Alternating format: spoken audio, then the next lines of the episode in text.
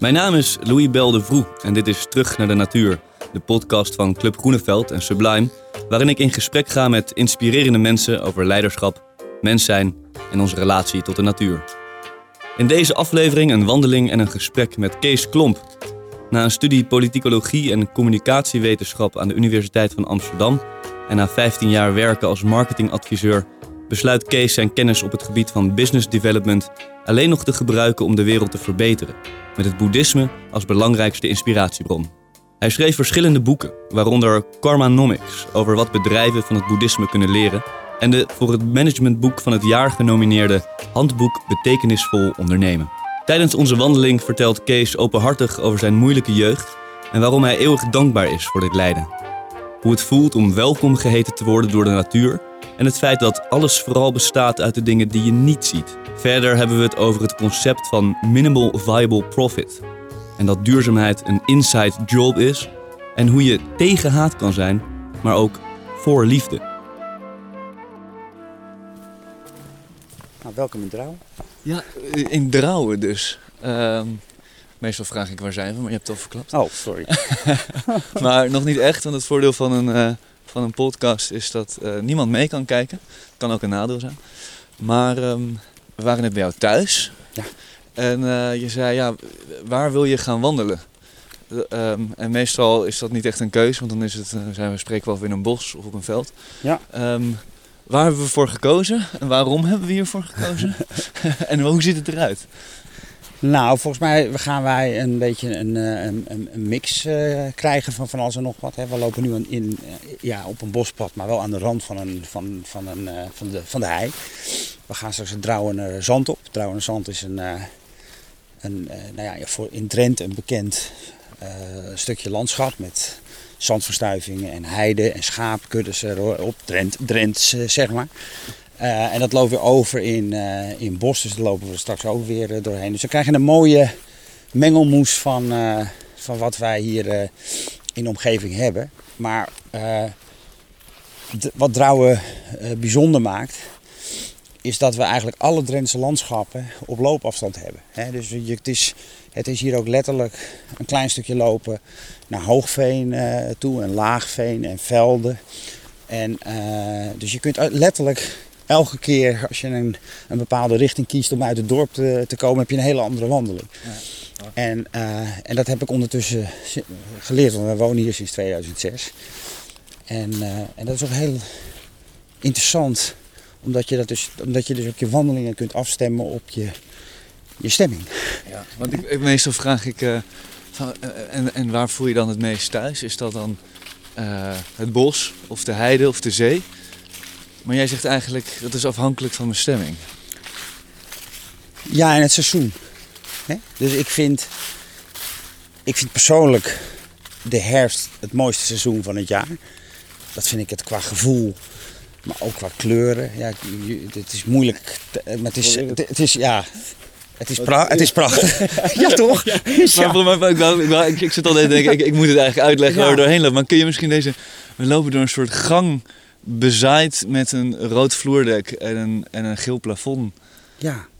ja, en het is kraakhelder vandaag. De lucht is echt heel lichtblauw. Geen vliegtuigstrepen hier in Drenthe. Geen uh, chemtrails. En, uh, en de zon schijnt uh, op het bladerdak, waardoor het geel nog, nog geler is en het oranje ook nog oranje. Het is, ja, het is heel, het is, het, is, het, is, het, is, het is prachtig deze tijd van het jaar. Ik vind het bos, ik vind, ik vind het bos in deze tijd van het jaar het, uh, het mooist. En ik vind de velden vind ik het mooist in de winter. Hoe gek het ook klinkt. Dan staan er geen gewassen op. Uh, dan liggen ze braak. En ik, ja, ik word er zo rustig van. Ja, want, want, want rust en rustig worden. Uh, is dat ook de reden dat je hier in 2005, 2006 naartoe bent gekomen? Ja, ja. Ik, ik heb altijd iets gehad met deze omgeving. Met, met Noordoost-Nederland. Dat is al begonnen met mijn, uh, met mijn opa, communist uit Armuiden. En die vertelde mij uh, uh, als, als, als goede socialist, communist natuurlijk, de verhalen over Domela Nieuwenhuis en de, en de volksopstand hier. Dus het had altijd al een soort van mythische proporties voor mij.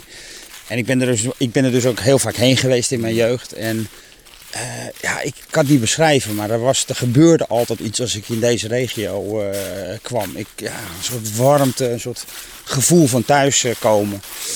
En in 2005 liep ik ehm, tegen een burn-out aan. Dus ik werkte toen als business developer, als marketingadviseur bij een groot internationaal communicatienetwerk, marketing-communicatienetwerk.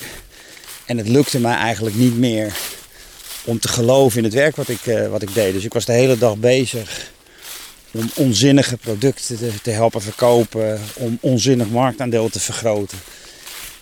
En ja, het, het, ik stond daar zo niet meer achter dat mijn lichaam ging gewoon uh, in weerstand. En dat had ik klaar door. En achteraf gezien is dat precies op tijd geweest. Uh, want toen was er geen weg meer terug. Hmm.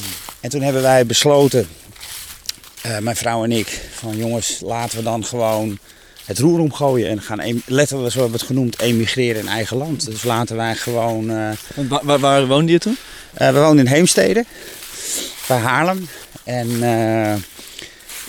ja, weet je, en Heemstede is ook, is natuurlijk ook een soort cliché. Hè? Dus net als Blaricum en Laren en Wassenaar. Zo'n hele vermogende plaats waar het alleen maar gaat over uiterlijk vertoon. En de, het soort van auto wat je voor de deur hebt en de titel die je hebt. Hè? Dus het gaat alleen maar over wat voor werk doe je. En, uh, ik, en ik, wij waren daar zo klaar mee. En toen op een gegeven moment, uh, tijdens een weekendje hier, zei mijn vrouw opeens: waarom gaan we niet gewoon hier wonen? Joh? Waarom doen we het niet gewoon? Verkopen we daar in, in, uh, in Heemstede ons huis en dan kopen we hier een boerderij en we gaan gewoon opnieuw beginnen. Ja. Nou, dat was echt een soort van bevrijding. Ja! Alleen het idee al? Ja, enorm. Ja, ja en toen heeft het, uh, ja, het lot, of hoe je het ook wil noemen, heeft ons hierheen gebracht. Want we hebben verschillende plekken bekeken en bezocht. En uh, op een gegeven moment reden wij door dit dorp heen. En toen zagen we ons, het huis waar we nu wonen te koop staan. En toen dacht ik in het begin, ah, dat kan ik natuurlijk nooit kopen, zo'n boerderij. En dat is onbetaalbaar. Maar ja, dat is ook nog één zo'n zo'n uh, zo'n kwaliteit en een aspect van uh, deze kant van Nederland. Dat is, dat, is, dat, is, dus niet waar. Die kan je dus wel kopen, zeg maar. Dat is, uh, en ja, de rest is history. Geen, geen seconde spijt. Dus wij wonen hier vanaf 2006. Ja. En ben je ook opgegroeid rond Haarlem? Ja, ik ben, uh, ik ben een echte Haarlemse mug. Ja. Ik ben, ik ben op, op, geboren en getogen. Ja. We gaan even over het wildhek heen nu. Ja, precies.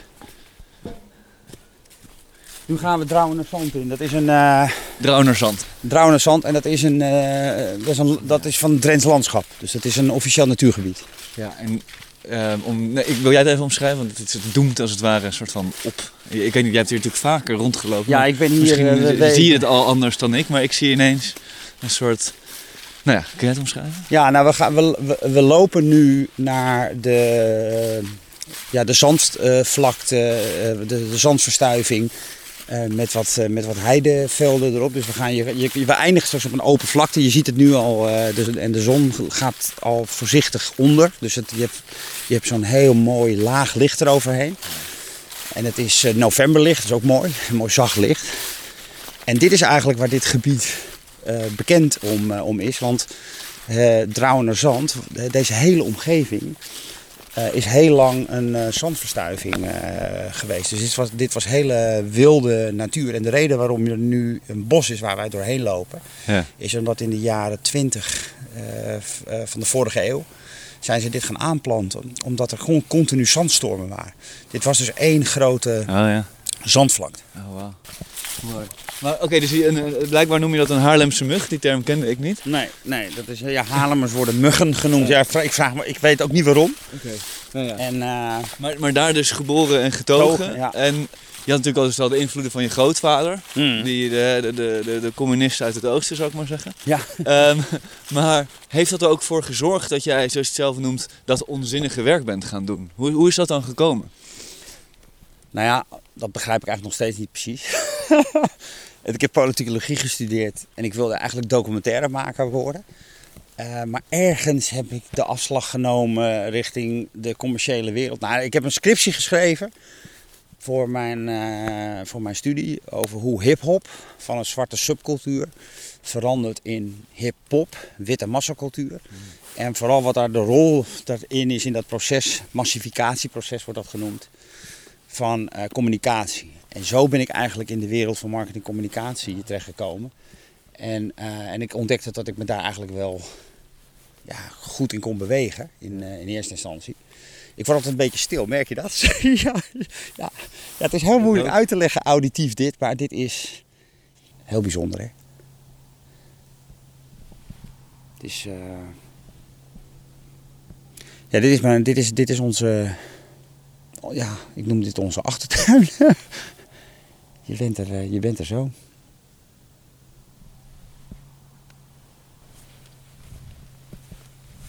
Het is hier zo stil dat je dus het geluid hoort van...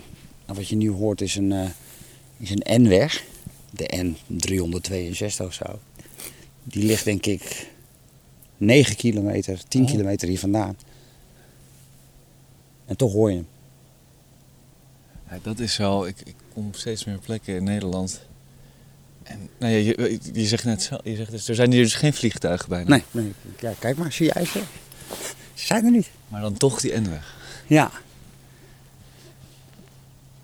Ja, je hebt hier twee dagen per jaar dat het echt, echt helemaal stil is. En dat is eerste kerstochtend en dat is nieuwjaarsochtend. En dat zijn dan ook twee ochtenden dat ik er dan ga ik er dus ook vaak extra vroeg uit. Dan is het echt, dan, want dan rijden, er, dan rijden er geen auto's en dan is het hier, dan is het echt stil. Dan is het echt, dan hoor je, dan hoor je ja, echt alleen maar de natuur. Als we dan toch maar de, naar de zon lopen, de laatste zon, en, en toch maar die stilte blijven verbreken. Dus laten we anders zo dadelijk nog even een moment ergens... Als jij dan ergens op een gegeven moment weer een, plek, weet waarvan ja, je zegt, ja, hier moet je stil zijn, nee, ik ga je dan meenemen, gaan we stil zijn. Ik ga je meenemen naar een plek die voor mij echt enorm belangrijk is uh, geweest. Toen wij verhuisden, ben ik ochtends vroeg op een vrijdagmiddag in juni, eind juni, alvast met de verhuizers hier naar het noorden gereden. Mijn vrouw bleef uh, in huis uh, achter, omdat mijn dochters nog een laatste schooldag hadden in Heemstede. En die zou dan smiddags, nadat de meiden uit school uh, waren, achter ons aankomen rijden. En dus ik was hier al om een uur of, nou ja, wat zal het zijn geweest, 10, 11. En die verhuizers die hadden onze spullen allemaal neergezet en die gingen weg.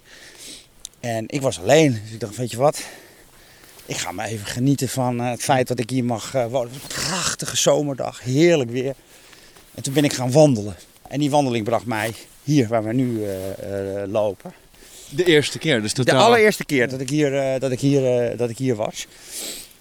Ja, en ik was, daar, ik was daar hiervoor al geweest als toerist, maar vanuit het besef dat ik hier mocht wonen, zeg maar. En toen ben ik naar een bankje heen gelopen waar ik jou nu ook naartoe breng. Daar ben ik gaan zitten. En uh, ja, ik denk dat het uh, twee minuten duurde voordat ik daar zat. En toen ben ik in tranen uitgebarsten van geluk. Van, ik werd zo overweldigd van, door dankbaarheid dat ik hier mocht wonen. En dat had te maken met het feit dat toen ik op dat bankje ging zitten, het was juni, het krioelde van het leven om me heen. Dus ik zat daar en opeens zag ik al die insecten al die kanten op uh, vliegen. Ik zag vogeltjes voorbij uh, gaan. Ik hoorde het opeens allemaal. Dus ik maakte, ik, ja, het voelde alsof ik welkom werd geheten. Weet je? En ik, weet, ik besef me te degen, dat heb ik er natuurlijk van gemaakt. want het is iets... Uh, maar het, ik voelde me volstrekt omarmd door de natuur hier die tegen me zei: Wees welkom. En toen moest ik huilen. Ik was zo overweldigd. Het was zo diep, diep. On, echt zo ontzettend dankbaar. En dat is eigenlijk ook nooit meer weggegaan, dat gevoel.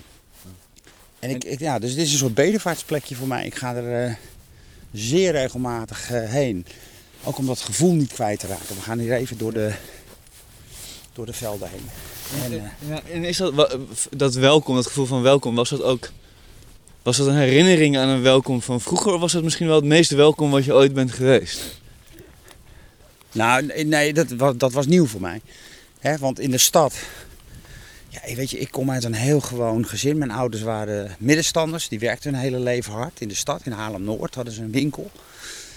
En wij kwamen wel eens in de natuur, maar dat was dan het, uh, ja, dat was de kinderboerderij. Ja. En dat was het bos in de buurt. En we gingen heel vaak naar het strand, want daar woonden we natuurlijk in de buurt.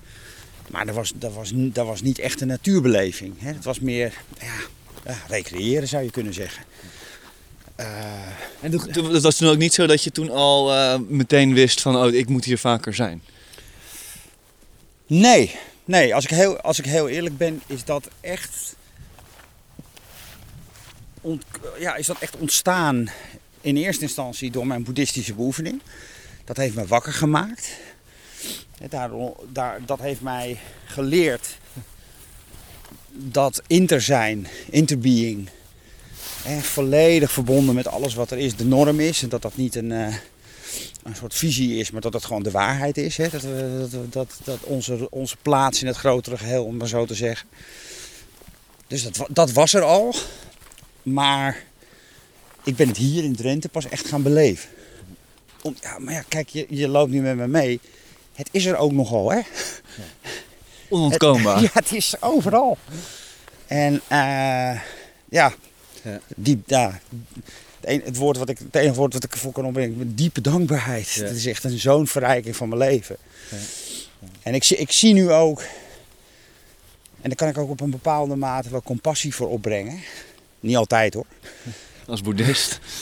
Uh, ja, dat, zijn, ik, ik, moet dan, ik moet bijvoorbeeld nog veel leren van Matthijs dan in dit soort situaties. Ik, ik verlies me nog wel eens in mijn woede in dit soort eh, situaties. Zoals nu, dat die natuur continu geslachtofferd uh, wordt voor economische groei. Ja, weet je, ik, ik, ja, ik kan mij niet voorstellen dat als jij als mens gezegend bent met het bewustzijn dat je natuur bent, dat je dat contact voelt, dat je zo over natuur na kunt denken. Dus ik zie daar mensen die gewoon helemaal het contact met zichzelf en met de natuur kwijt zijn geraakt en eigenlijk niet beter weten. Die gewoon natuur behandelen als, nou ja, als iets waar je boven staat of waar je los van, uh, van staat, wat je kunt dicteren. Uh, wat natuurlijk allemaal zorgvuldig gecreëerde illusies zijn. Ja. Uh, maar ja, als je in die illusie gelooft, ja, dan is het ook niet zo ingewikkeld om te zeggen: ja, wat maakt het nou uit of er één of twee extra soorten uitsterven? En ach, die zeespiegelstijging, ach, weet je, zolang wij er geen last van, van hebben enzovoort. Ja. om het maar even heel plat te maken. Ja, ik, ja, ik, ik heb daar moeite mee. Maar, maar om even. Uh, er zijn best wel wat dingen die, die in jouw leven daarin dus ook zijn gebeurd, waardoor het is dat je daar moeite mee hebt. En het is misschien wel interessant uh, om eens te kijken van, want hoe, hoe is die ontwikkeling bij jou gegaan? Want je vertelde, uh, nou ja, een jeugd in Heemstede en dan was de natuur was toen ook recreatie. En van recreatie zou je ook kunnen zeggen dat, dat de natuur als instrument is. Want je gebruikt, Zeker, je gebruikt de natuur, de natuur om, om, om, jij dan. Nou ja. Dus um, kan, kan, je misschien, hè, en op een gegeven moment kom je in die, hè, zoals je het zelf noemt, die onzinnigheid van het werk wat je deed. Nou, het werk wat je deed vond je, eh, of ervaarde je als onzinnig. Dat, heeft ook, hè, dat kan ook te maken hebben met een, uh, met een verandering in jezelf, hoe je ernaar kijkt. Zeker. Je vertelde over je boeddhisme. Dus um, hoe gaan we dit in elkaar wezen? Kijk, zie je trouwens het bankje? Ah. Dit, is, uh, ja. dit is de plek. Uh, nou, kijk, ik denk dat. Uh, kijk, het bronverhaal in mijn, uh, in mijn leven, en dat is ook overigens een verhaal wat ik ja, eigenlijk nooit vertel of deel. Niet omdat ik me ervoor voor schaam, maar omdat het me gewoon eigenlijk nooit wordt gevraagd. maar het bronverhaal van mijn leven is: ik, ik ben de eerste twaalf jaar van mijn leven chronisch ernstig ziek geweest. Dus ik heb een ja, een klassiek geval van. Zo even gezitten, even Pauli. Een, een klassiek geval van een klote jeugd gehad. Hè. Dus uh, ik heb de dood meerdere malen in zijn ogen gekeken. En ik heb me een buitenstaander gevoeld. Ik kon niet meedoen met voldoen aan de norm. En uh, wat dan ook heel menselijk blijkt, is dat je dat vervolgens gaat wegstoppen. Dus ik, uh, ik ben op mijn twaalfde heb ik voor de laatste keer astma aanval gehad. Het ging om astma, zeer ernstige astma. Eh, en, ehm, en daarna ben ik het eigenlijk helemaal kwijt geweest. Tot mijn 1, 2, 23ste. Dat, dat hele stuk jeugd eh, was alsof het niet had bestaan. Alsof ik. Ik, dus het, eh, ja, ik, volstrekt in ontkenning. Het verdween gewoon in je, in je geheugen was het weg? Gewoon helemaal weg. Eén zwart gat. En pas toen ik een depressie kreeg op mijn 1,22ste. Uh, en dat ik weet nog heel goed dat wat gebeurde in in Mexico. Ik was met mijn vriendin, met nu mijn vrouw, op vakantie op een plaatsje. En dat is dan het is zo mooi hoe dan toeval geen toeval is. Het plaatsje heet de Progreso, vooruitgang. en van het een op het andere moment, ik was s'nachts gebeten in mijn, in mijn nek door een, door een beest. De dokter zei een kakkerlak. Ik weet niet of kakkerlakken bijten of ik heb hem niet goed begrepen. In ieder geval, ik kreeg een enorme ontsteking in mijn, aan mijn keel hier. Een enorme bult in mijn nek. En vanaf de een op het andere moment werd ik overvallen door een, nou, een werkelijk ondraaglijk gevoel van doodangst. Omdat opeens dat oude gevoel van stikken, wat hoort bij uh, astma. je hebt het idee dat je, ja, je stikt, je gaat dood. Dat kwam in één keer terug. Dat, dat knalde ineens zeg maar, door die barrière heen van ontkenning na al die jaren. En daarna kwam er een enorme bak verdriet en narigheid eh, los. En dan kwam ik in een, eh, in een, eh, in een, in een depressie. En, uh, en, dat, en, dat, en, en later ben ik dat allemaal gaan verwerken. Heeft boeddhisme me enorm bij geholpen. Want een van de dingen die, die ik zeg maar in die periode tussen mijn twaalfde en mijn twintigste, dus net voor die, voor die depressie kwam, ben ik ehm, eh, in de punkbeweging terecht uh, gekomen. Hardcore muziek, de, de, de, hele scene van krakers. Hè. We hebben het hier over eind jaren tachtig. en ik, ik dacht dat ik destijds heel, een hele erg positivo was.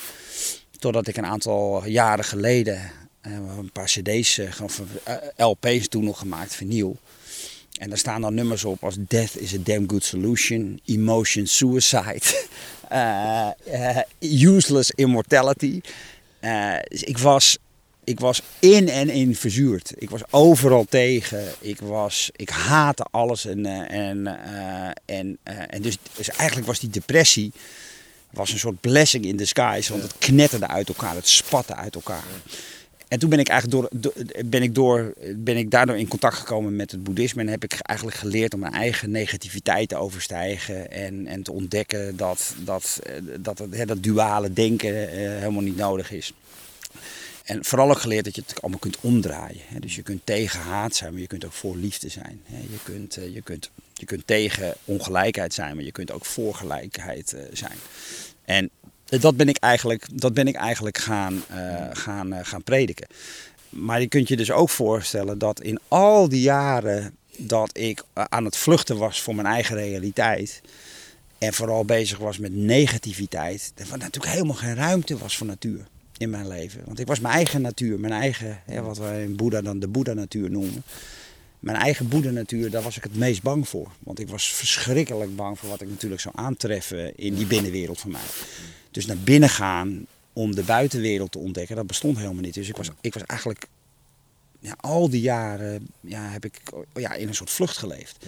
Dus de wereld was er wel, maar die was, die was er ook niet, want ik kon er helemaal geen contact mee maken. Nee, want, want daarmee zeg je eigenlijk is de reis naar binnen. Pas als je die aflegt, dan ga je connectie maken met jezelf. En vanuit die connectie met jezelf maak je die connectie met de buitenwereld. Precies, precies. En dat, en ja, kijk, ik, ik, kan me namelijk, ik kan me nog een lezing herinneren van een, van een boeddhistische leraar. En die hield een bloem omhoog. En die, uh, en die vroeg, uh, wat, wat zie je? Nou, een bloem. Ja, dat is goed, dat klopt. Kijk nog eens een keer. En toen uh, viel het, hij, het is een rode bloem. Dus een rode bloem, ja, klopt ook. Kijk nog eens een keer.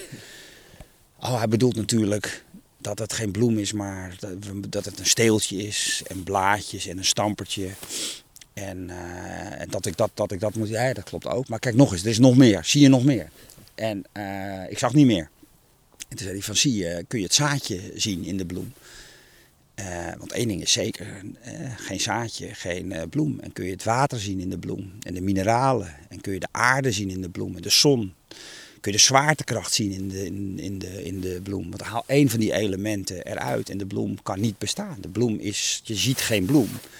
Je ziet het hele universum wat heeft samengewerkt om deze bloem te laten ontstaan. En je kijkt nu naar een momentopname, want over een paar weken is die bloem weer vervolgens naar een nieuwe fase gegaan. En wordt het, wordt het, dus er, is, er is één beweging. En in die beweging worden dingen continu uh, herhaald. Maar alles wat je ziet is een illusie. Er is, er is alleen maar beweging en ontwikkeling. En dat was het moment. Toen ging het licht aan en daarna is het nooit meer uitgegaan.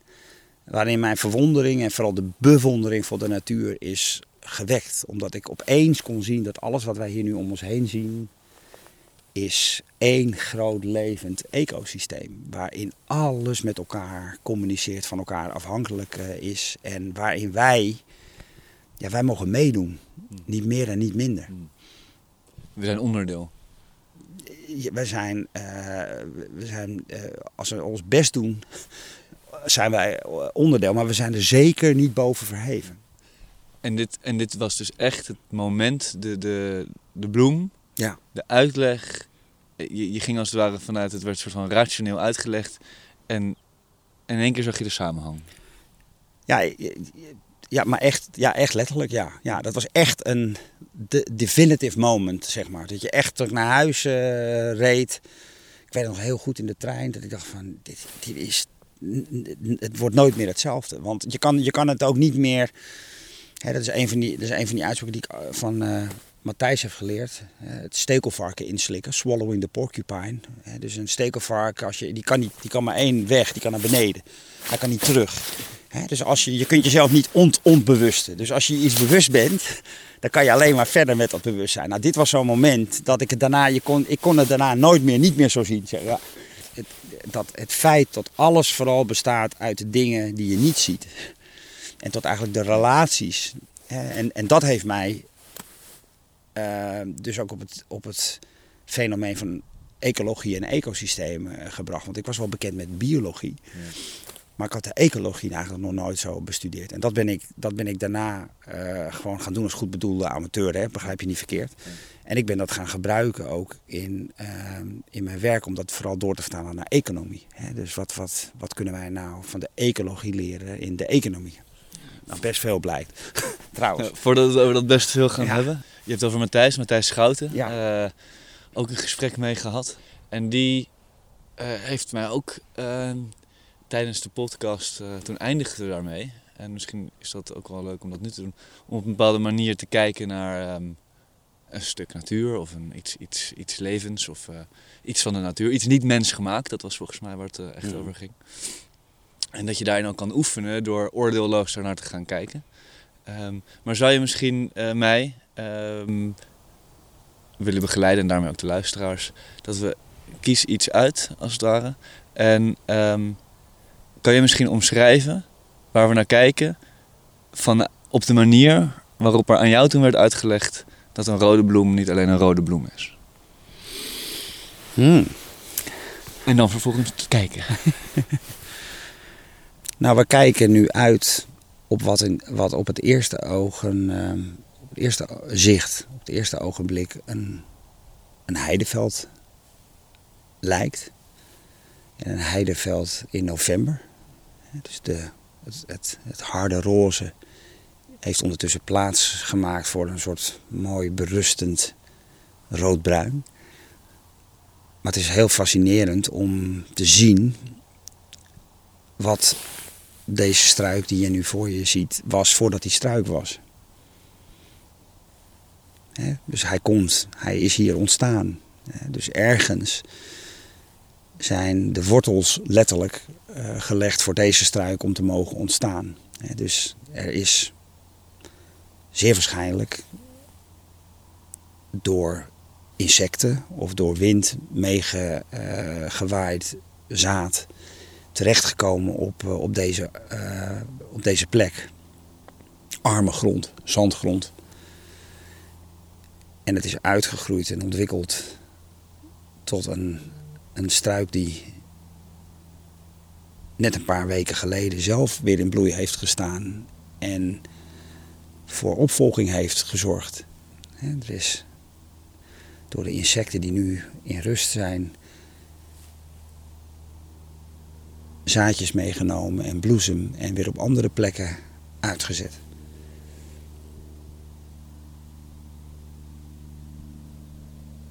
En wat ik ook prachtig vind, en dat is ook iets waar je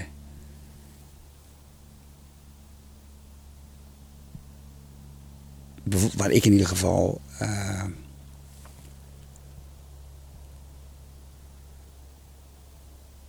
daar, daar voel ik dan altijd een enorme devotie bij. Bij gebrek aan een beter woord. Drouwen Zand, deze plek, is een van de uh, gebieden waar de adder in Nederland een behoorlijk veel voorkomend dier is. En wat ik nou zo bijzonder vind, is ik ben hier echt wekelijks. En tot op heden heb ik nog nooit één adder gezien. En er schijnt hier, er zit hier, uh, er zit hier een behoorlijke populatie. En ook dat vind ik zo verwonderd dat die natuur gewoon zijn gang gaat. En wij zien een deeltje. Hè. Jij ziet nu ook in, de, in, in dat zonnelicht zie je wat insectjes rondvliegen, muggetjes vooral. Uh, maar één ding is zeker, op enkele meters afstand van waar wij zitten, zit ergens een adder. Want om de zoveel meter zit er op dit gebied een adder. En toch zien we ze niet. Ik vind dat, altijd, dat, vind ik, dat vind ik zo bijzonder. want wij denken als mens dat dit decor er voor ons is. Hè? Dat... Decor? Ja, het decor, toch? Zelf kijk eens. Het is een, uh, en uh, en uh, nou ja, er zitten hier adders. Nou, die wil ik natuurlijk wel even zien. Maar ja, daar is die adder helemaal niet voor. Die is er helemaal niet om door jou gezien te worden. En ik vind dat, ik blijf dat een van de meest wonderbaarlijke dingen vinden. Dat dat er gewoon is, maar je ziet het niet. En toch is het er. Herken je dat? Ja, dus, dus eigenlijk nou, alles wat we zien, daarin is veel meer aanwezig dan we ooit kunnen weten. Dus je kijkt naar iets veel groters en groters en oneindigers dan dat kleine aspect van wat wij zien. Ja, het is, het is, dus dit, dit gebied is is niet wat je nu ziet een statisch gegeven waar je een foto van neemt en dat je zegt, nou kijk, dit is de Drouwenerzand, dit is de hei in Drouwen. Het ziet hier over vijf jaar fundamenteel anders uit. Omdat alles wat hier staat groeit en bloeit en sterft en verschuift en verplaatst. En, uh, en dat gegeven, dat, die dynamiek, dat het eigenlijk in een continue ontwikkeling is, dat vind ik echt heel erg uh, mooi. En dan moet ik wel in alle eerlijkheid zeggen, uh, dat de biodiversiteit in dit gebied natuurlijk gecontroleerd wordt. Want dit is een gebied wat wordt beheerd door het Drents landschap. En dat doen ze met heel veel liefde en toewijding. Maar ze hebben ervoor gekozen om dit gebied natuurlijk in een bepaalde uh, situatie te houden. Dus dit, hier wordt de biodiversiteit wel degelijk beheerd. Omdat ze het authentiek willen houden. Whatever that may be. Maar dat, het, dat, dat is wat het is. En uh, dat gezegd hebbende ben ik, uh, kan ik daar alleen maar heel blij en dankbaar uh, voor, voor zijn. Maar ik vind zelf dat ik heb bijvoorbeeld in mijn eigen tuin, toen we dat aantroffen in 2006, ben ik daar gewoon bomen gaan planten en heb ik een bos gecreëerd. En ja, ik vind, dat, ik vind dat een van de grootste wonderen dat, om te zien dat daar een ecosysteem is ontstaan waar, waar, waar vogels nestelen, waar salamanders hun weg hebben gevonden, waar elk jaar meer kikkers in, uh, in uh, komen, maar vooral dat je de soortenhoeveelheid ziet toenemen. Dus die dynamiek van het ecosysteem wat zichzelf continu verrijkt en versterkt in diversiteit, waardoor het als geheel sterker wordt. Ik vind dat zo wonderlijk. Ik vind dat zo prachtig.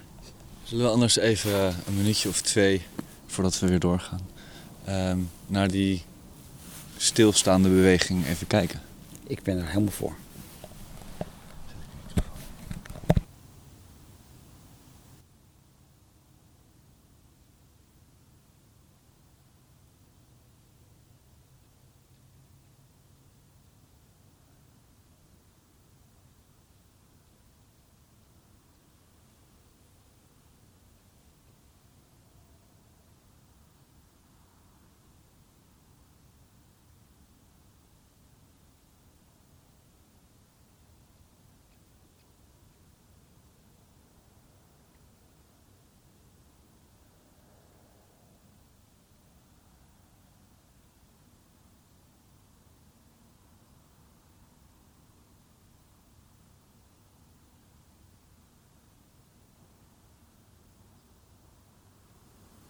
ik ga jou die, uh, ik ga jou die cd nog sturen die ik toen bij mijn eerste uh, boek heb uh, gemaakt. Dus ik heb, die, ik heb acht wandelingen gemaakt. Ja.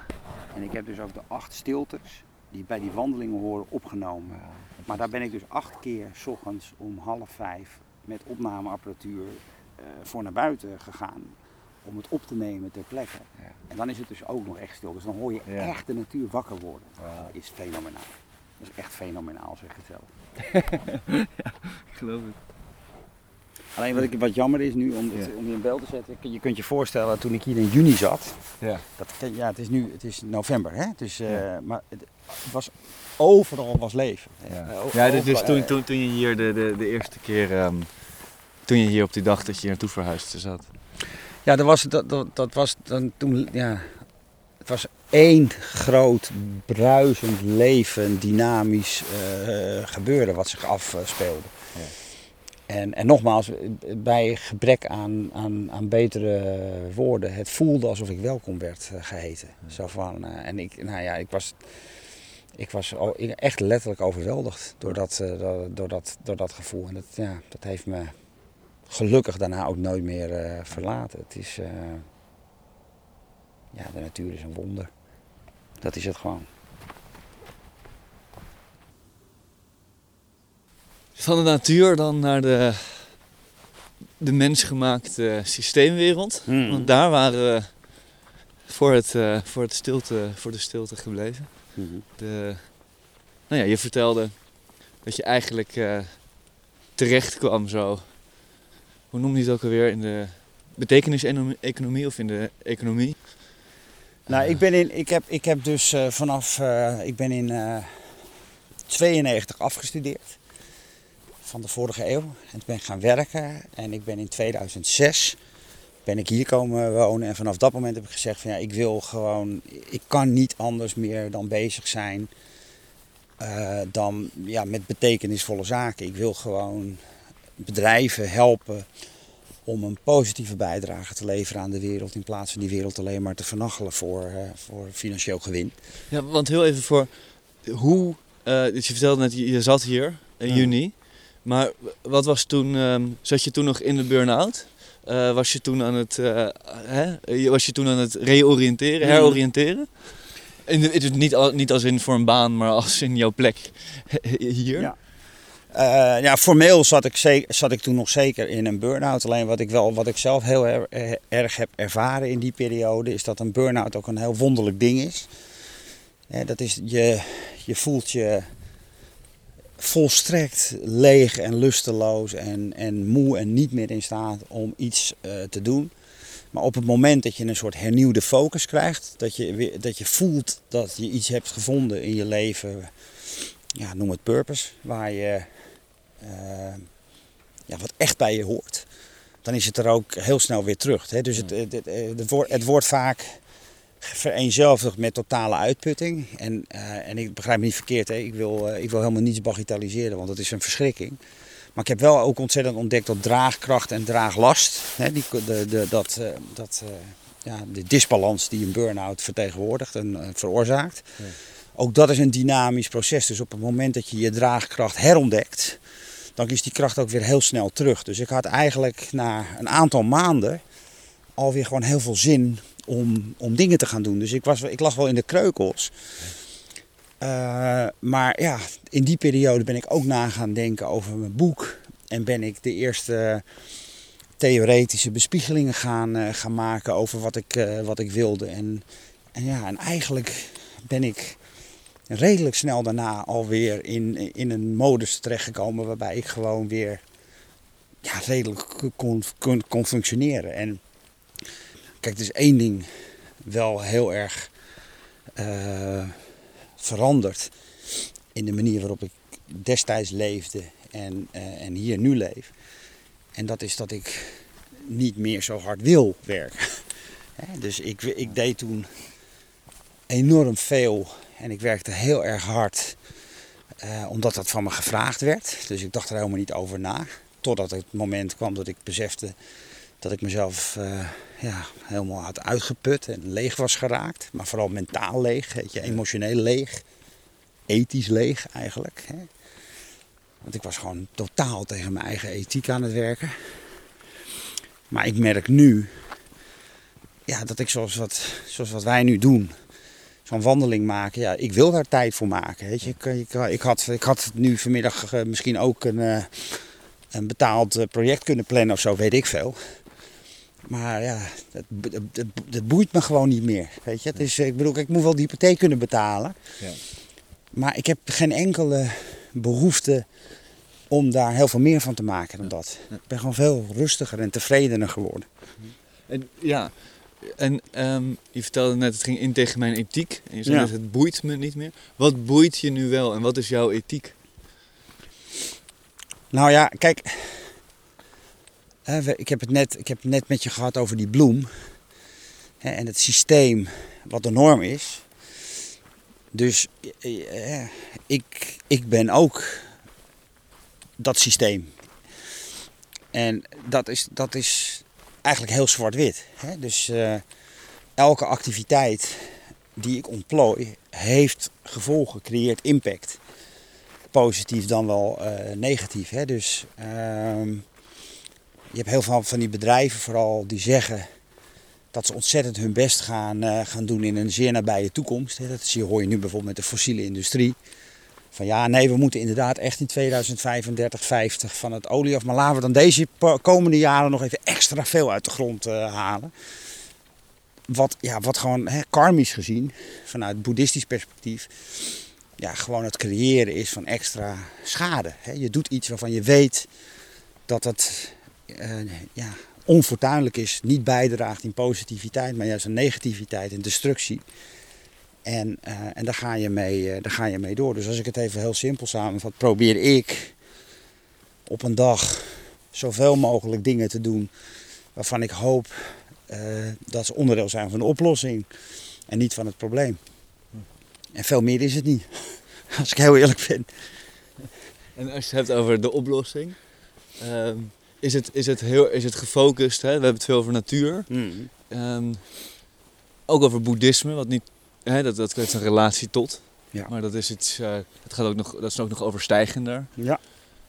Um, hebben we jouw, uh, jouw werken, jouw, jouw energie die je in je dagen stopt, hebben die over het algemeen te maken met hè, om het, duurzaamheid of de natuur? Of gaat het ook uh, breder dan dat? Dus wat, hoe, hmm. hoe, hoe wordt het concreet? Nou kijk, eh, wat voor mij de betekenis-economie kenmerkt, en dat is, de, dat is wat, wat ik zeg maar uh, ben gaan noemen al hele jaren geleden, uh, waar ik me mee bezig hou. Omdat ik vind en denk, en gelukkig is ondertussen ook wel gebleken dat dat ook wel een beetje aan het of een beetje nu behoorlijk hard aan het gebeuren is, dat het niet zozeer gaat over een klein select groepje idealistische mensen, maar een soort macro-economische, socio-economische transformatie die zich aan het voordoen is. We zijn met elkaar wereldwijd aan het veranderen. Je, je, het is niet meer zo dat de milieubeweging alleen maar bestaat of de natuurbeweging uit een heel klein select groepje geitenwolle sokkenrokkers. Uh, maar uh, nou ja, ondertussen zijn er al 7 miljoen jonge mensen in navel van Greta Thunberg de straat op gegaan om aandacht te vragen voor het milieu. Dus het is, het is, het is veel groter en massaler geworden. En dat komt, dat komt uit een, een bron die ik dan de betekeniseconomie noem. Waarbij we ons steeds nadrukkelijker ja, bewust worden van onze betekenis in het grotere geheel. Dus we worden, we worden ons gewaar van het feit dat wij als mens een bepaalde rol hebben te spelen. En dat die rol niet per definitie is dat je zoveel mogelijk geld moet uh, verdienen en bezit moet vergaren. Maar dat je voor je omgeving moet zorgen. Dat je een positieve footprint moet proberen te creëren in de breedste zin van het, eh, van het woord. Even heel simpel gezegd, de, eigenlijk de manier waarop je met je gezin omgaat. Als jij je gezin runt als een BV, eh, dan weet je één ding zeker, dat je hele ongelukkige kinderen krijgt. Hè? Dat, dat doe, in, een, in een gezin geef je de hele dag alleen maar liefde. Uh, en, uh, en, ben je niet bezig met een soort van winst- en verliesrekening uh, die je op de ijskast bijhoudt. En zeg ja, maar ja, vandaag heb ik, dat is, nee, ik, ik voel nu dat we verlies aan het maken zijn. Zo werkt dat niet. Hè? En ja, wat voor mij die betekeniseconomie vertegenwoordigt, is dat we die cirkel groter en groter en groter maken. Hè? Dus iedereen vindt het eigenlijk vrij normaal. Als je, als je het een beetje normaal gezin komt, om liefde op te brengen voor zijn naasten. Er zijn weinig mensen die daar niets mee kunnen. Uh, en uh, het lukt overigens algemeen mensen ook nog wel vrij eenvoudig om die cirkel op te rekken naar vrienden en andere dierbare personen. Maar dan houdt het vaak op. Hmm. En wat ik heb geleerd zelf van het boeddhisme is dat die cirkel kan je eindeloos optrekken. Je kunt liefde opbrengen voor alles. En als je liefde kunt opbrengen voor alles en compassie, dan kun je, kun je dat ook gaan dienen. En dat is voor mij de essentie van betekenis, economie, betekenis voor ondernemen. Het is dienstbaar. Dus het is, je, je, kent je, je kent je plek in de zin van dat je niet bezig bent om iets of iemand te exploiteren voor je eigen gewin. Maar je bent bezig om het te dienen. En, uh, ja, en dat drijft mij. Maar het is wel, ik vind dat wel. Oké, dus wat in me opkomt is. Als je het over betekenis-economie, dan denk ik, ja, systeemwoord. Maar als ik je nu hoor praten, denk ik, je hebt het over liefde. Ik heb het over liefde. Ja, ja ik heb het over liefde. Liefde en compassie, dat zijn, uh, dat zijn de. Dat, zijn de, dat, dat, is de, dat is de motor. Ja. Ja, en kijk, het probleem is alleen dat de economie door vooral de neoclassieke economische leer volstrekt liefdeloos is gemaakt. Dus het gaat alleen maar over nutsmaximalisatie, eigenbelang. En jij en ik, wij bestaan alleen maar in de klassieke economische leer als homo economicus, als rondlopende portemonnee. We, alleen maar, we zijn alleen maar bezig om heel berekend ons eigen belang na te streven. Dat is een volstrekte reductie en amputatie van alles wat een mens een mens maakt. En dan heb ik het nog niet eens over wat een mens een levend wezen maakt in relatie met andere levende wezens. Want dat, dat, dat bestaat in de natuur al helemaal niet. Hè? Een bos heeft in de economie alleen maar bestaan als je het kunt exporteren. Dus als je het of kunt, je kunt het kappen of je kunt er geld voor gaan vragen, dan is een bos heeft tegenwoordig waarde. Ja, dat is de ultieme perversiteit. Dat is en ook stupiditeit. Het is werkelijk niet te geloven. Kijk, en dan zou je nog kunnen zeggen: van ja, ach ja, er zijn een paar zotten die dit, die dit, die, die dit idee hebben, laat ze lekker. Maar wat natuurlijk ontzettend zorgwekkend is, is dat het de norm is geworden. zo zijn we met elkaar gaan, gaan denken over onze plek in het grotere geheel. Weet je? Wij zijn er om alles en iedereen te gebruiken voor ons eigen uh, gewin. En zelfs dat hebben we, vind ik, als mensheid volstrekt verpest. Want op dit moment heeft 1% van de mensheid net zoveel bezit en welvaart als de andere 99% samen.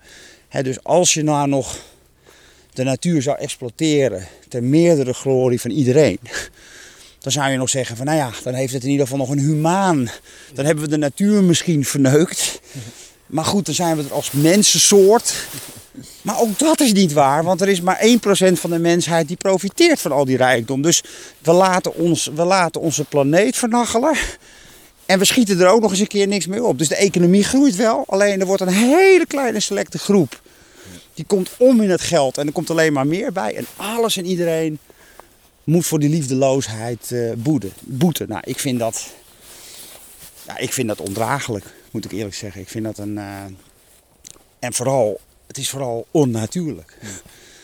en, uh, en het goede nieuws is dat die betekeniseconomie in die zin een hele natuurlijke ontwikkeling is. Omdat we door schade en schande leren wat natuurlijk is. Hè? Dus we hebben nu net die stikstofcrisis achter de rug, of tenminste we zitten er nog middenin.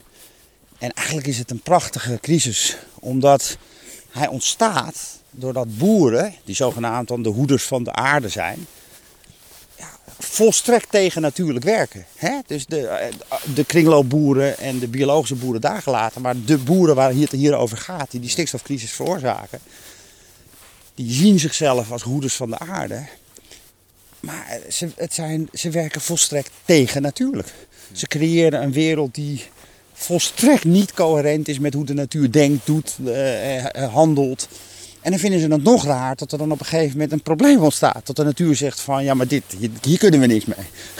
Hè, dit is, uh, we, zijn, we, zijn het, we zijn het gewoon helemaal kwijt. Maar wat je nu zegt, lijkt een interessante echo te zijn naar ja, ook je eigen leven. Schade en schande wijs worden, eh, die, dat spreekwoord bestaat natuurlijk niet voor niets. Nee. Dat is een manier van wijs worden die we ook uh, als persoon en misschien ook als mensheid nodig hebben. Zeker. Is dat een crisis uh, ja, toont uh, vaak aan tot hoe ver het is gegaan. Nou, jij, jij hebt jouw eigen crisis nodig gehad om tot dit verhaal en deze inzichten te komen. 100%. 100%. Dus ik, ik, ik geloof ook inderdaad oprecht dat wij als mensheid eenzelfde leerproces doormaken als mensen individueel. En dat is inderdaad door schade en schande en, en, door, en door lijden. mensen leren door lijden. Is een boeddhistische wijsheid. Zonder lijden leren mensen niet. mensen zijn alleen maar geneigd om echt transformatief gedrag te vertonen. Echt ander gedrag, fundamenteel ander gedrag. dus niet uh, gedreven door gebieding en verbieding, maar intrinsiek gemotiveerd. Op het moment dat ze geleerd hebben door pijn dat iets niet werkt. En uh, de mooiste definitie die ik ooit van ethiek heb gehoord, heb ik gehoord van een Belgische uh, hoogleraar, uh, emeritus, emeritus hoogleraar Luc van Liedekerker. Die geeft ethische, of ethiek in de economie aan de Universiteit van, Koninklijke Universiteit van Leuven. En die zei, ja, ethiek is dat wat je doet als niemand kijkt. Dus uit jezelf. Dus niet uh, datgene wat je wordt opgelegd, of wat, dat wat er van je wordt verwacht. Wat heel veel bedrijven nu doen, hè? maatschappelijk verantwoord ondernemen. We moeten dit. Er zit gebieding op, verbiedingen, een compliance. normatief. Normatief. Maar dat is niks waard als het niet vanuit jezelf komt. Dus ik word vooral ontzettend gestimuleerd en gemotiveerd door ondernemers die zeggen van... Welke idioot heeft ooit bedacht dat een bedrijf er is om winst te maken? Maximale winst. Wie heeft dat ooit betaald? Wie heeft dat ooit bedacht? Ja, dat zijn, de neoclassieken, ja, uh, economen. Ja, laat, laat die lekker optieven dan. ik maak zelf wel uit hoeveel winst ik maak. Dus ik, ik word gebiologeerd door mensen die zeggen, ik draai het om. Ik ga niet voor maximale winst, maar minimale winst. Want ik vind het namelijk belangrijker om maatschappelijk van betekenis te zijn en geld aan te wenden om een verschil te maken. Uh, en ik, aangezien ik zelf uh, baas ben van mijn bedrijf, maak ik zelf de beslissing om dat, uh, om dat te doen. En dat is voor mij waarde. Hè? Dus, dus dan heb je eigenlijk dat je zegt, als je minimale winst creëert, creëer je niet per definitie, maar kan je maximale waarde creëren. Nou ja, dan kan, je kunt met, met monetaire winst, met geld, dat kun je gebruiken om maatschappelijke winst te maken. Dus je kunt het, je kunt het afromen en je kunt het ah, naar jezelf betalen. Dat is wat de norm is. Hè? Je kunt het aan, aan aandeelhouders. Of, maar je kunt ook zeggen van nee, ik maak de keuzes om dat niet te doen.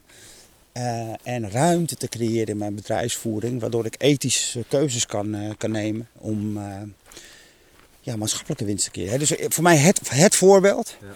is Bernie Glassman, een boeddhist.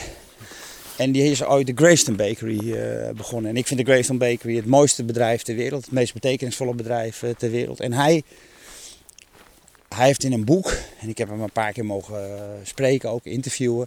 Hij is eigenlijk degene die zonder dat hij dat ooit heeft bedoeld, het principe van wat ik dan minimum viable profit ben gaan, gaan noemen. Hè? De minst haalbare hoeveelheid winst.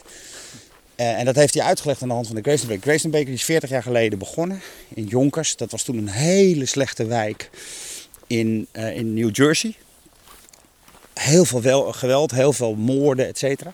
En hij is een bakkerij begonnen op de hoek. En hij, heeft, en hij is mensen letterlijk van de straat gaan halen en in die bakkerij gaan laten werken. En dat waren mensen die niemand anders wilde hebben.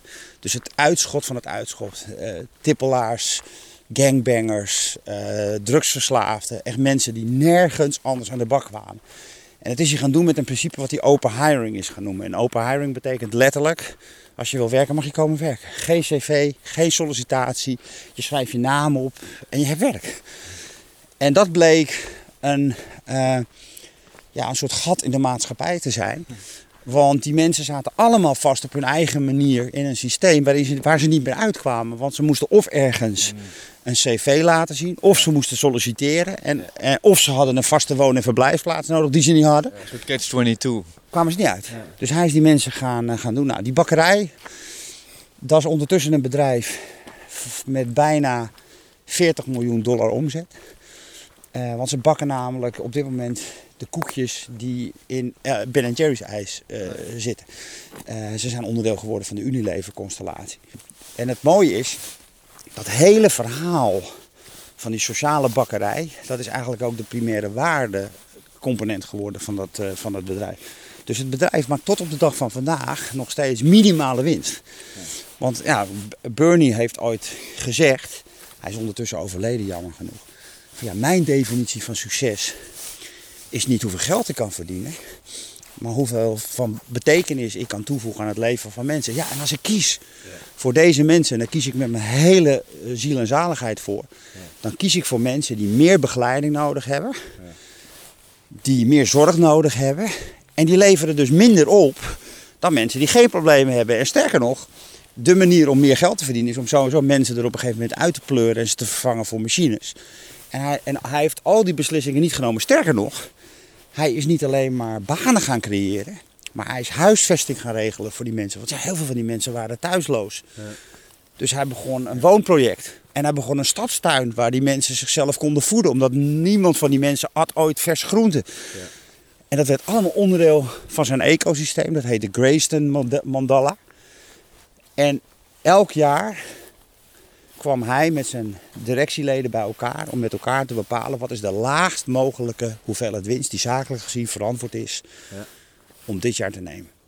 Maar, en daar zit aan vast ehm, dat hij lijkt de definitie, dus ook los van, van, van de winstminimalisatie.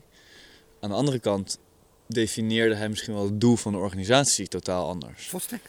Dus, dat is een, uh, dus de waardevermeerdering. Of... Nou ja, hij, zei, hij zei letterlijk, mijn, eh, bedoel, hun slogan is jarenlang geweest. We don't hire people to bake brownies, we bake brownies to hire people. Dus hij zei, ik heb geen bedrijf om een bedrijf te hebben. Ik heb een bedrijf om mensen te helpen. Dat is mijn doel, dat is waarom ik besta. Ja. Dat, en dat, en dat, nou, dat, is, dat is de betekenis. Want dan ben je aan het dienen. Ja. En dan worden organisaties een totaal andere entiteiten. Dan worden het, uh, dan worden het plekken van niet-economische waardevermeerdering. Ja, dan worden dan, nou ja, de, ik, de, de, de, de definitie die ik ervan hanteer is dat bedrijven, betekenisvolle bedrijven, maar dus ook de betekeniseconomie zoals die zich nu aan het ontwikkelen is op macro-economisch niveau, drie verschillende waardedomeinen gaat erkennen. Je hebt het zakelijke domein, dat gaat over welvaart. Dat is en blijft een onderdeel, geld. Je hebt het maatschappelijke waardedomein, dat gaat over welzijn. Dat gaat over de kwaliteit van je leefomgeving. En je hebt het persoonlijke waardedomein, dat gaat over welbevinden. Ja. Het probleem van het huidige systeem is, is dat we maar één waardedomein hebben, dat is welvaart. Hmm. Dus wij, en dat is letterlijk de basis van de neoclassieke kapitalistische leer, de, de, de, de onzichtbare hand dat de zucht van welvaart van enkele is goed voor de welzijn van anderen. Nou, als er iets achterhaald is, dan is het dat denken. Dus welvaart leidt helemaal niet tot meer welzijn en welbevinden. Alleen we behandelen het wel zo. Dus we hebben letterlijk in Nederland, we kijken maar naar één ding, dat is bruto binnenlands product. Als die groeit, als, ons, als de manier waarop wij geld uitgeven met elkaar stijgt, dan zegt de regering, we doen het fantastisch, het gaat goed met Nederland. Nou, het is werkelijk een acht, volstrekt achterhaalde, uh, onzinnige visie op zaken. En ik denk dus dat we toegaan naar een situatie waarin we gewoon erkennen dat welvaart maar één van de parameters is voor een, voor een gezonde samenleving. En welzijn, en daar hoort dan wat mij betreft ook natuurbewustzijn bij, hmm. is, een, is een volstrekt andere. En het heeft totaal geen zin om daar met geld in de weer te gaan. Natuur uh, of welzijn moet je op hele andere parameters uh, gaan afmeten. En welbevinden, geluk, is weer een heel ander domein. En als je het kapitalisme bekijkt vanuit uh, het idee, als je de mens zo laat handelen dat er waardecreatie ontstaat, uh, dan is dat goed voor iedereen. Hè? De, hè, wat nu misschien blijkt wat ingewikkelder is. Daar zit ook een goede kant aan. Althans, er is een systeemkant aan waarvan, waarvan ik ook kan zeggen van ja, uh, op zo'n groot niveau, als je zoveel mensen wil bewegen om het goede te doen, mhm. dan zijn er dus twee opties. Mm Eén is een systeem creëren waarin mensen worden geforceerd om het goede te doen. Ja. Maar uiteindelijk wil je, of misschien is alleen maar het echt mogelijke waardesysteem te creëren, als je mensen intrinsiek gemotiveerd krijgt. Mhm. Dat lijkt bijna een. Nou, hoe, hoe kijk je naar die tegenstelling of die, die twee kanten van het verhaal? Nou ja, ik, ik geloof dat extrinsiek gemotiveerde ethiek eigenlijk geen ethiek is. Dan krijg je een, dan krijg je een, uh, nou ja, een totalitaire, laten we zeggen, Chinese staat. Waarin er een groepje mensen is die zeggen: dit is de norm, dit is ethiek. Hmm. En daar heb je je na te gedragen. Uh, of Noord-Korea, dat is, dat is wat, waar veel communistische landen, socialistische landen uiteindelijk aan ten onder zijn uh, gegaan, is dat er een norm wordt opgelegd. Ja. Uh, dus ik geloof heel erg in, um, in ehm, ja, de, de burgerbeweging. Dus ik geloof heel erg in, in het feit dat we moeten leren dat het neoliberalisme, wat ervoor heeft gezorgd dat er in 75 jaar een situatie is ontstaan waarin we eigenlijk denken dat alles een markt is, is een illusie. Hmm. We leven niet, jij en ik leven niet in de markt. De realiteit is alleen dat uh, we een situatie hebben gecreëerd waarin dat eigenlijk wel zo is. Er is eigenlijk geen maatschappelijk domein meer in Nederland. Zorg is naar de markt teruggegeven, onderwijs is naar de markt gegeven, mobiliteit is aan de markt gegeven, energie is aan de markt gegeven. Dus er is eigenlijk verdomd weinig ruimte nog om als burger je te onttrekken aan, aan marktwerking. Je hebt eigenlijk maar één rol en één taak. Dat is je gaat ergens werken en je gaat consumeren. Nou, waar ik heel veel vertrouwen in heb en geluk in heb, is, die, is ik noem dat het communisme of de commons. Is dat er een steeds grotere groep burgers zegt tot hier en niet verder. Het is niet voor niks dat er een burger is geweest die hele stikstofdiscussie heeft aangewengeld. Er is een burger naar de rechter gestapt en gezegd, Raad van State, het klopt niet. Urgenda hetzelfde, dat is een burgerbeweging. Er is nu in Duitsland een boer die heeft de staat aansprakelijk eh, gesteld voor klimaatverandering. Dat zijn burgers die, eh, die uh, het heft in handen nemen en zeggen: luister jongens, we zijn moreel, ethisch, zijn we over een grens gegaan, we zijn failliet, we moeten, het moet anders. En, en wat ik hoop en denk is dat, is dat mensen van andere mensen gaan leren dat het ook anders kan want uh, kijk, in the end of the day is de homo economicus is een gedrocht wat gecreëerd is uh, en niet de norm is. Wat niet, we, ik, ik, ik geloof oprecht niet dat er iemand is die zich kan voorstellen dat het leuk is of wenselijk is om samen te wonen met de homo economicus. Ik denk dat iedereen, nou als jij dat, nou, kun je het voorstellen dat je thuis komt en er zit de homo economicus op jou te wachten. Ja? Oh, hey, dat werkt niet. Dat herkennen we allemaal. Dat zijn, zo zijn we niet. En zo willen we ook niet. Eh, zo willen we ook niet. Eh, we zijn, we zijn mensen. Hmm. En we maken als mens ervaringen mee ten diepste die, waar we gelukkig van worden als we dat in, in dat mens zijn mogen zijn met andere mensen. Als we liefde kunnen laten stromen tussen verschillende mensen. Maar ook als we als mens contact maken met onze eigen natuur en daardoor ook met de, de natuur om ons heen. Wat jij zegt, die binnenkant en die buitenkant, dat maakt ons echt gelukkig. Het punt is alleen, we hebben op dit moment geen enkele taal en geen mogelijkheden om dat op een, op een bepaalde manier te waarderen en een plekje te geven. Het bestaat niet. Het bestaat in elk geval niet in de markt. Terwijl wij als mensen nu over het wildrooster stappen, weer terug de, het bos in. Nee, maar ja, het punt, het, punt is, het punt is dat de markt zo dominant is geworden dat we eigenlijk niet meer zien dat er buiten die markt nog, nog een, een, een wereld te winnen eh, is. dus wat ik super hoopgevend vind zijn mensen die zeggen, weet je wat ik doe? Uh, ik begin een uh, energiecoöperatie. Ik, ga geen, ik word geen energieconsument, maar ik word een, een energiedeelnemer. Of de voedselcoöperaties die, die nu overal uit de grond komen, zoals de herenboeren, waarbij 200 gezinnen met elkaar een, een, een stuk grond pachten. En samen met een boer hun eigen groente gaan verbouwen. En zonder één footprint biologisch organische groenten uit hun, letterlijk uit hun eigen achtertuin uh, halen. Waardoor ze niet meer naar de supermarkt hoeven te gaan om het te kopen. Er is geen transport meer. Het is allemaal verbouwd door de mensen zelf. Ze halen het zelf op. Ze zijn betrokken bij het hele proces ja. van uh, uh, zaaien, opgroeien, oogsten. en je ziet, je ziet die mensen intrinsiek gelukkiger worden en gemotiveerder raken. Omdat ze gewoon contact maken met iets wat ze helemaal kwijt zijn geraakt. En dat is? De menselijke natuur. En de menselijke natuur is niets anders als de natuurlijke natuur, om het even zo te zeggen. Er is we, zijn natuur. En uh, ik, ik, ik geloof oprecht en hartstochtelijk dat dat de enige weg is. Als mensen geen contact kunnen maken met dat stuk in zichzelf, dan is, dan is de ethiek of de moraal niet authentiek. Ik zat net na te denken. Nog één, terwijl we langzaam weer naar, terug naar het dorp lopen. Ik ga nog één ontzettend ingewikkelde vraag stellen. ik vind het deels beantwoord, maar misschien ik ga hem toch nog stellen. Want het hele.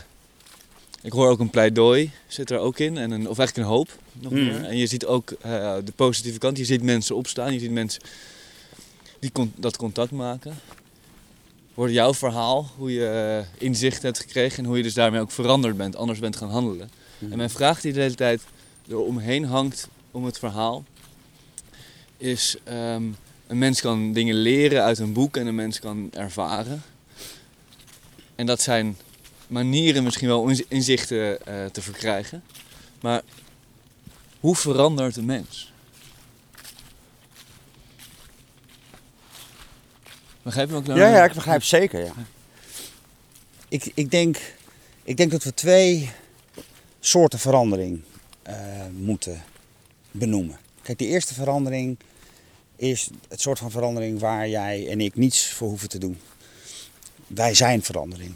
Dus je wordt geboren, letterlijk op celstructuurniveau. En er verandert van alles in je lichaam en in je, in, in je leven en in je geest. Je niets voor te doen. Dus ouder worden betekent letterlijk dat er celafsterfte cel, uh, plaatsvindt. Ik heb een bril ondertussen gekregen, mijn ogen gaan achteruit. Het is allemaal verandering. Dat gebeurt allemaal vanzelf, hoef je niets voor te doen. Dus dat is, dat is, dat is één. Hè? Dat, en dat is, dat is eigenlijk wat ik je net vertelde met de bloem. Dat hebben wij ook. Hè? Er, gebeurt uh, van alles waardoor we veranderen. Je hebt ook een tweede soort van verandering. En dat is een verandering uh, van gedrag. Waarbij je lering trekt uit bepaalde gebeurtenissen. En ja, eigenlijk je eigen gedrag onder ogen gaat nemen en gaat proberen te uh, veranderen. Dat is het gedrag, of, dat is de verandering waar veel mensen altijd aan appelleren als ze het over verandering uh, hebben. En wat ik daarvan heb geleerd, hè, dus ik, wat, ik, wat, ik, wat ik je net ook zei, ik denk dat alleen intrinsiek, intrinsiek gemotiveerde verandering echte verandering is. En dat die voortkomt uit diep gevoelde, diep gewortelde pijn, lijden.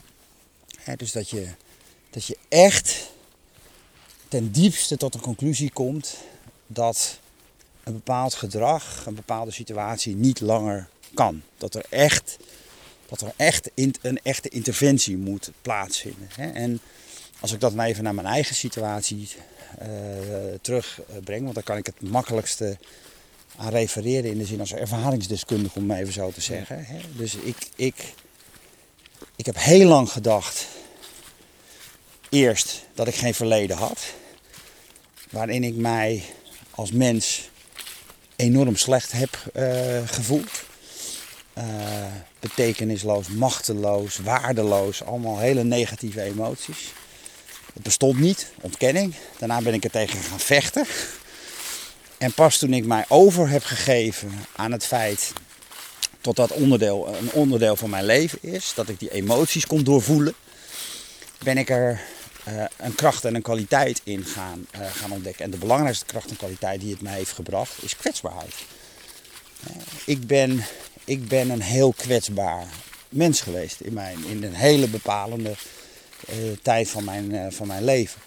En omdat ik zelf kwetsbaar ben geweest, lukt het mij ook heel makkelijk om kwetsbaarheid bij anderen te ontdekken, op te sporen en er contact mee uh, te, te, te, maken. En dan heb ik het niet alleen over mensen, maar, al, met, andere, met alle levende wezens.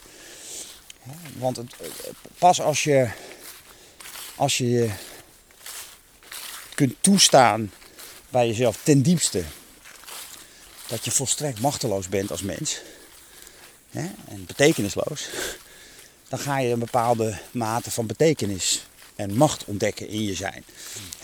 En ik denk dat het grote probleem waar we met elkaar tegenaan lopen in deze samenleving is dat niet willen erkennen. Dus ik denk dat heel veel mensen hun hele leven hun best doen om die machteloosheid en die betekenisloosheid uh, bij zichzelf te ontkennen. En Bernie Glassman, mijn held, heeft een aantal uh, boeken geschreven. Was een groot zenleraar, behalve directeur, uh, oprichter van de Grayston Bakery. En zijn, een van zijn mooiste uitspraken, die heb ik ook gequote in een van mijn boeken. hij is, ik heb mijn hele leven gewijd aan het proberen te verminderen van het lijden van levende wezens. Hij zegt, ik heb alleen nooit de illusie gehad dat onkruid bloemen niet zo overwoekeren en dat wolven schapen niet aan zouden vallen. Dus uh, je kunt je hele leven wijden aan het dienen en beschermen en liefhebben. Maar dat is nog steeds betekenisloos. En nog steeds machteloos. En nog steeds waardeloos. En, uh, en als je dat echt diep kunt doorvoelen. Van het is ontzettend belangrijk dat ik dit doe en tegelijkertijd is het volstrekt onbelangrijk. Dan raak je, vind ik, een, een, een soort diepere laag waar, uh, ja, waarin je die kwetsbaarheid gaat, gaat voelen. En uit die kwetsbaarheid maak je, vind ik, contact met uh, ja, hoe de dingen systemisch in elkaar werken. Begrijp ik, kan ik het, heb je, kan ik het een beetje. Ik vind het moeilijk om uit te leggen. Het is, maar, want ik, het is een, terwijl ik het namelijk tegen je zeg, voel ik het door mijn hele lijf heen gaan. Snap je? Ja, ik kan het niet uitleggen, maar ik voel een soort van.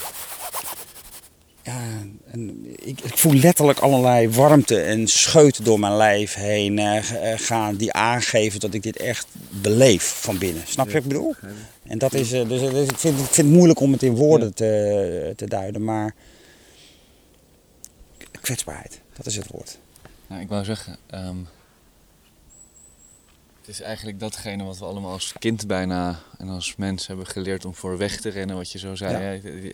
Het is niet aangaan van het kleine jongetje, ons allemaal, of het kleine meisje. Of, dat, of eigenlijk de wetenschap dat we ergens terecht zijn gekomen op een plek die af en toe prachtig kan zijn, maar ook af en toe verschrikkelijk. Ja. En dat dat heel kwetsbaar is. Ja. Dus eigenlijk is het wat je zegt, ga naar binnen en ga dat aan. Ga die kwetsbaarheid aan. Ja. Ja, want alleen door, door die reis te maken ga je begrijpen hoe de wereld om je heen ook in elkaar uh, zit. En ook hoe we allemaal, iedereen, allemaal, elk mens, doet. Het leven bestaat uit één grote aaneenschakeling van mislukte pogingen om de realiteit uh, te beïnvloeden. Hmm. dat is de eerste edele boeddhistische waarheid. Het lijden in leven is onvermijdelijk. Je wordt geboren om te sterven. Hmm. Je, je, er is geen mensenleven mogelijk waarin je niet een bovengemiddelde uh, hoeveelheid lijden tegenkomt. Er bestaan geen mensen die lijden weten te ontlopen in het leven. Dat is de realiteit. Ja. Dus, maar je kan het ook zeggen, en het zijn woorden, maar ehm, het beest in de bek kijken. Hè? Het, het, het werkelijk inzien dat je kwetsbaar bent, is enorme moed voor nodig. Ja, is ook zo. Ja, en, en, ehm, ja, en, dat, en, dat, en ja, weet je, dat is iets wat, uh, ja, wat heel veel mensen die op dit moment ter verveuren van hun eigen belang uh, grote groepen mensen of andere levende wezens, of dat, nou, en of dat nou dierlijke wezens zijn of plantaardige wezens, dat maakt allemaal niet uit. Maar er zijn ontzettend veel mensen op dit moment in de wereld die zich laten leiden door de illusie van onsterfelijkheid mm. of, of faam en roem en vermogen. Allemaal in pogingen om die reis niet aan te gaan. Want om daaronder, weet je, uiteindelijk geldt voor iedereen, hoeveel geld je ook hebt verdiend, je gaat een keer dood. En het is allemaal waardeloos gebleken. En, het, weet je, en wat, wat er dan vervolgens met je geld uh, gebeurt, dat, is, dat zal allemaal wel. Maar daar heb jij niets meer mee te, uh, te maken. En, maar mensen hangen daar allerlei ja, rituele, totemachtige waarden aan, uh, aan, aan vast. Omdat dat daar, ja, weet je, het geeft je leven zin en hou vast, weet je wel. Van, uh, ja, maar als ik dat allemaal heb, dan, uh, dan, dan lukt het wel. Ja, de, de... Kijk, en het mooie is, de natuur zit niet zo in elkaar. Weet je, deze boom is echt niet bezig met zijn sterfelijkheid en onsterfelijkheid en zijn roem. En, want wat hij nu doet, heb ik ook geleerd van een boeddhistische leraar een keer er hangen nu allemaal lijken aan die, aan die, uh, aan die bomen. Hmm. En hij laat het allemaal los, elk jaar weer. Het zijn allemaal lijken. Wij lopen nu over één groot slagveld. Allemaal lijken liggen hier op de grond. Maar hij heeft er geen moeite mee. Want het hoort namelijk gewoon bij de cyclus. Die zijn, zijn, zijn blaadjes horen dood te gaan. Ja. Want het is namelijk eigenlijk de, de, de, de oergeboorte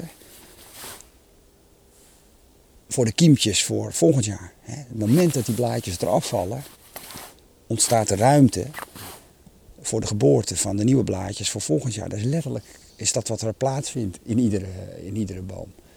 En, uh, maar daar denkt hij niet over na. En dat, dat, is, dat, is, dat is gewoon zoals het is. Ja. Dus daar, daar, en ja, wij zijn dat, omdat we hersens hebben meegekregen, zijn wij dat, wij zijn dat kwijt, dat stuk. Ja. Wij gaan over alles nadenken. Hmm. Van, ja, maar shit, ga ik op een gegeven moment ga ik dus dood. Ja, maar dat, is, dat is weer een ding. Ja, en toch is het zo. Dus hoe verandert de mens? Nou ja, door in mijn beleving uh, zo klein en kwetsbaar mogelijk te durven uh, zijn. En dan precies wat jij zegt, ik ben het echt hartstochtelijk mee eens. De reis naar binnen. Het is, duurzaamheid is een, is een inside job. Het is echt. Je, het kan niet bestaan zonder de intrinsieke motivatie. En de intrinsieke motivatie kan niet bestaan zonder een gewaarwording van ja, hoe je in elkaar zit. Waar je, waar, je, waar je eigen geloofssysteem vandaan komt. Hoe je gewoontes in elkaar zitten.